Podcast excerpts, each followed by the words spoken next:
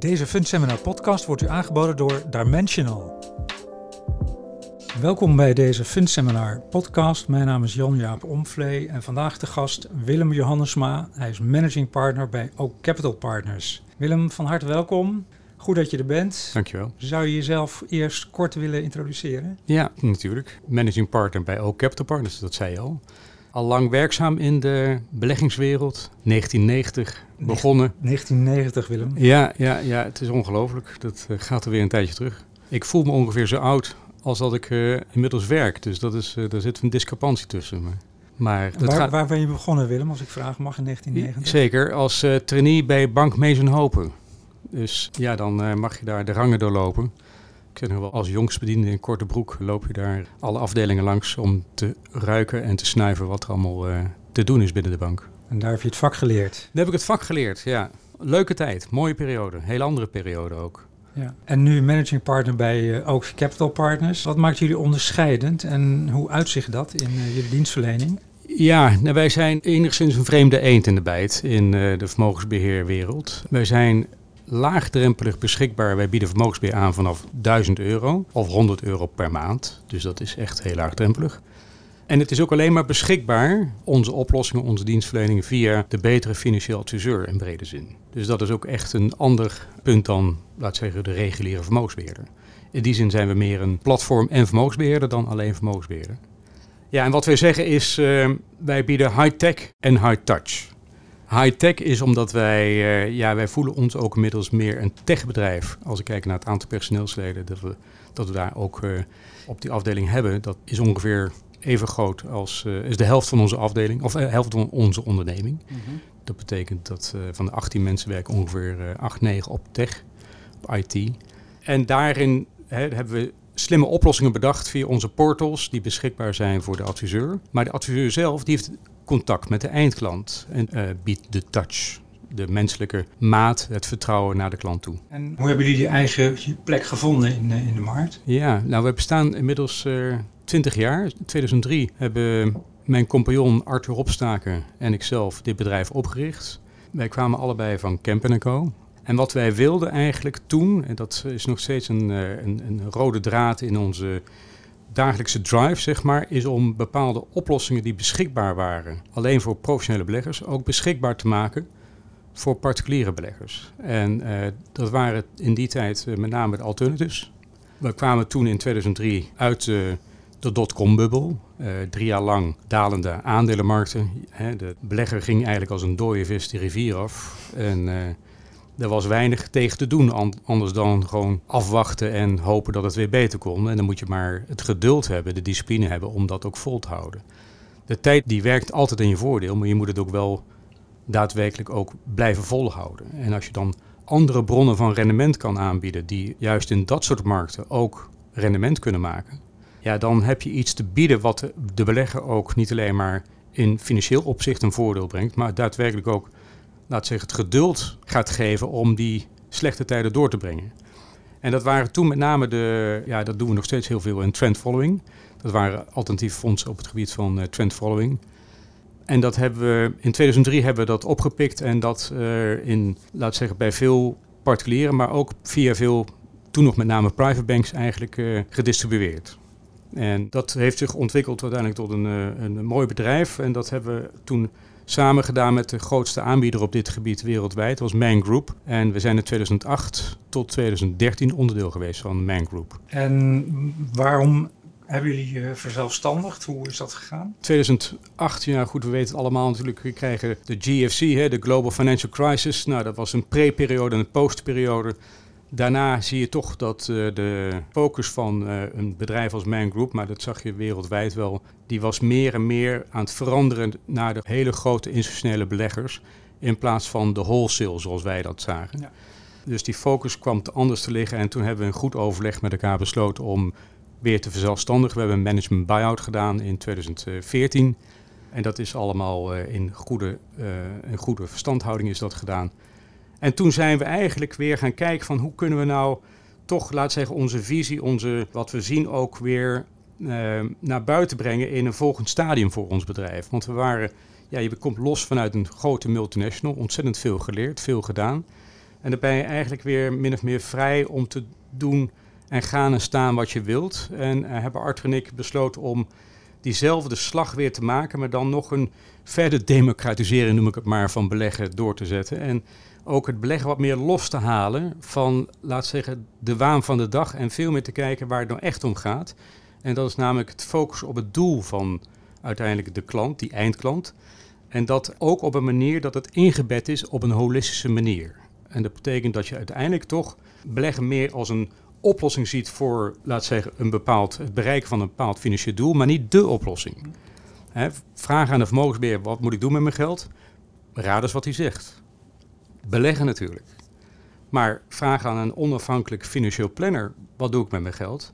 Dan kom je toch op andere oplossingen uit. Dat kan ook zijn dat je misschien eerst de BV-privé situatie meer moet optimaliseren. Of je hypotheek moet aflossen. Of wellicht dat in dit geval onroerend goed voor die klant een betere oplossing is. Of laat zeggen, je komt op andere gesprekken uit. En dan hebben we gezegd, nou eigenlijk moeten we een trapje lager gaan zitten in hiërarchie uh, bij de klant, zeg maar, in, op het gebied van, uh, van vermogen. En die uh, adviseur, die financial planner, adviseur, hoe je het ook wil noemen, die centraal stellen in de klantrelatie. En wij zijn dienend aan die adviseur, zodat je eigenlijk met elkaar een veel betere oplossing kan creëren voor die klant. En zo zijn we gaan bouwen.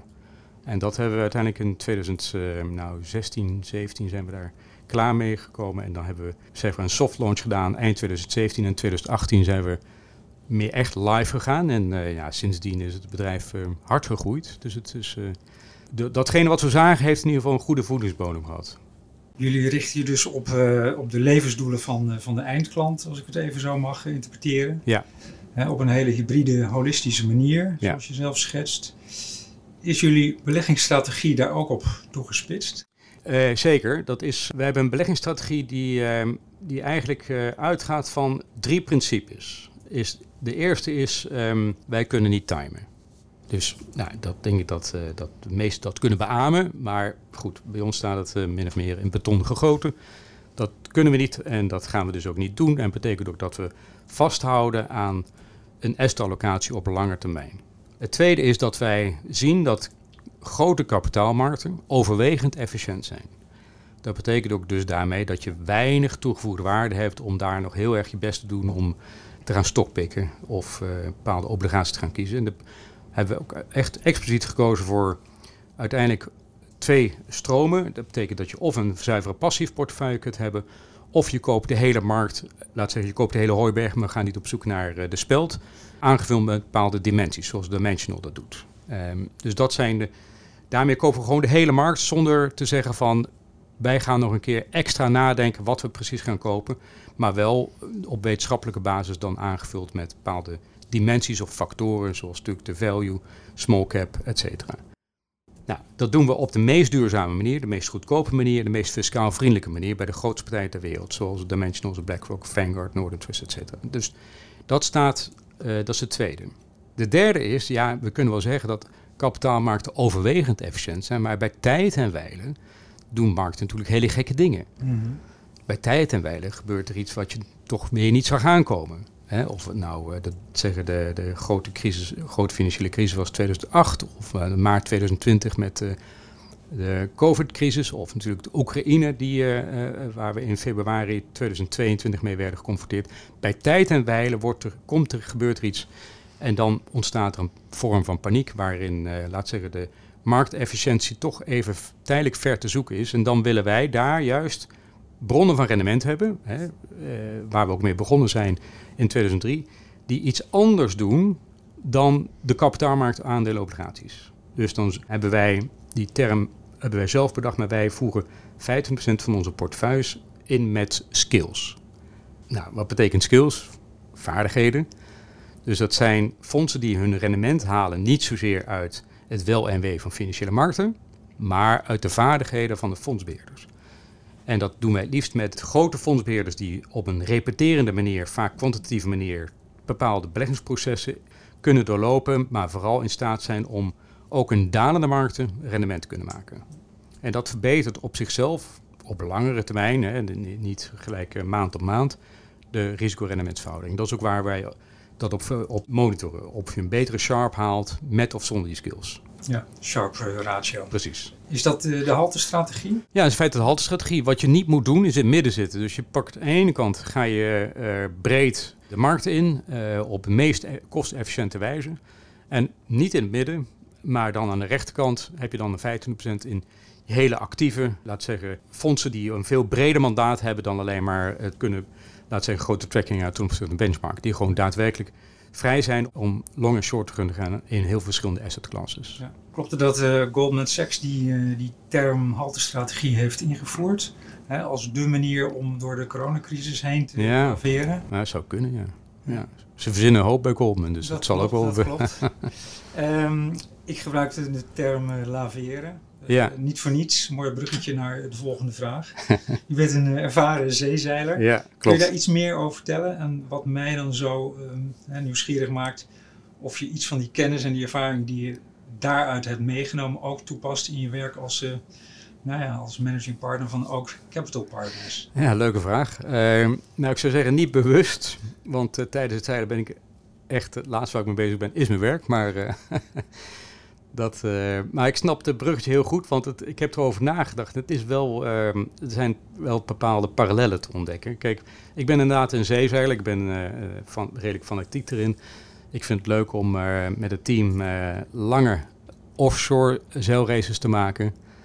Dus we hebben een paar keer de Fastnet ge gevaren en ook andere grote offshore wedstrijden. Dus dat is iets wat, we ontzettend, wat ik ontzettend leuk vind. Ehm, ja, en eigenlijk de parallel is wel zo dat wat je doet bij een, uh, een langere zeil, zeezeilreis, is dat je van tevoren maak je een vaarplan. Een, een vaarplan naar je doel. Je gaat het ook opbreken in bepaalde etappes om uiteindelijk dat doel te kunnen bereiken.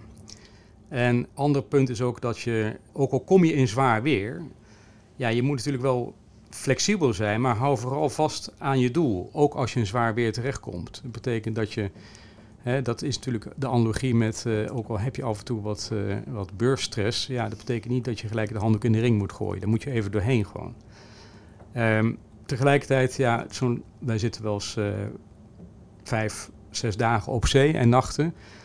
En dat je, wat je ziet is dat ondanks bepaalde voorspellingen er toch overwegend mooie momenten zijn in, laat zeggen, in de 24 uur. En dat is ook bij de reis naar belegger zo. De, je kunt je focussen op af en toe die paniek die er is op markten, maar overwegend gaat het natuurlijk gewoon goed. Er zijn veel meer goede jaren dan slechte jaren, veel meer goede maanden dan slechte maanden.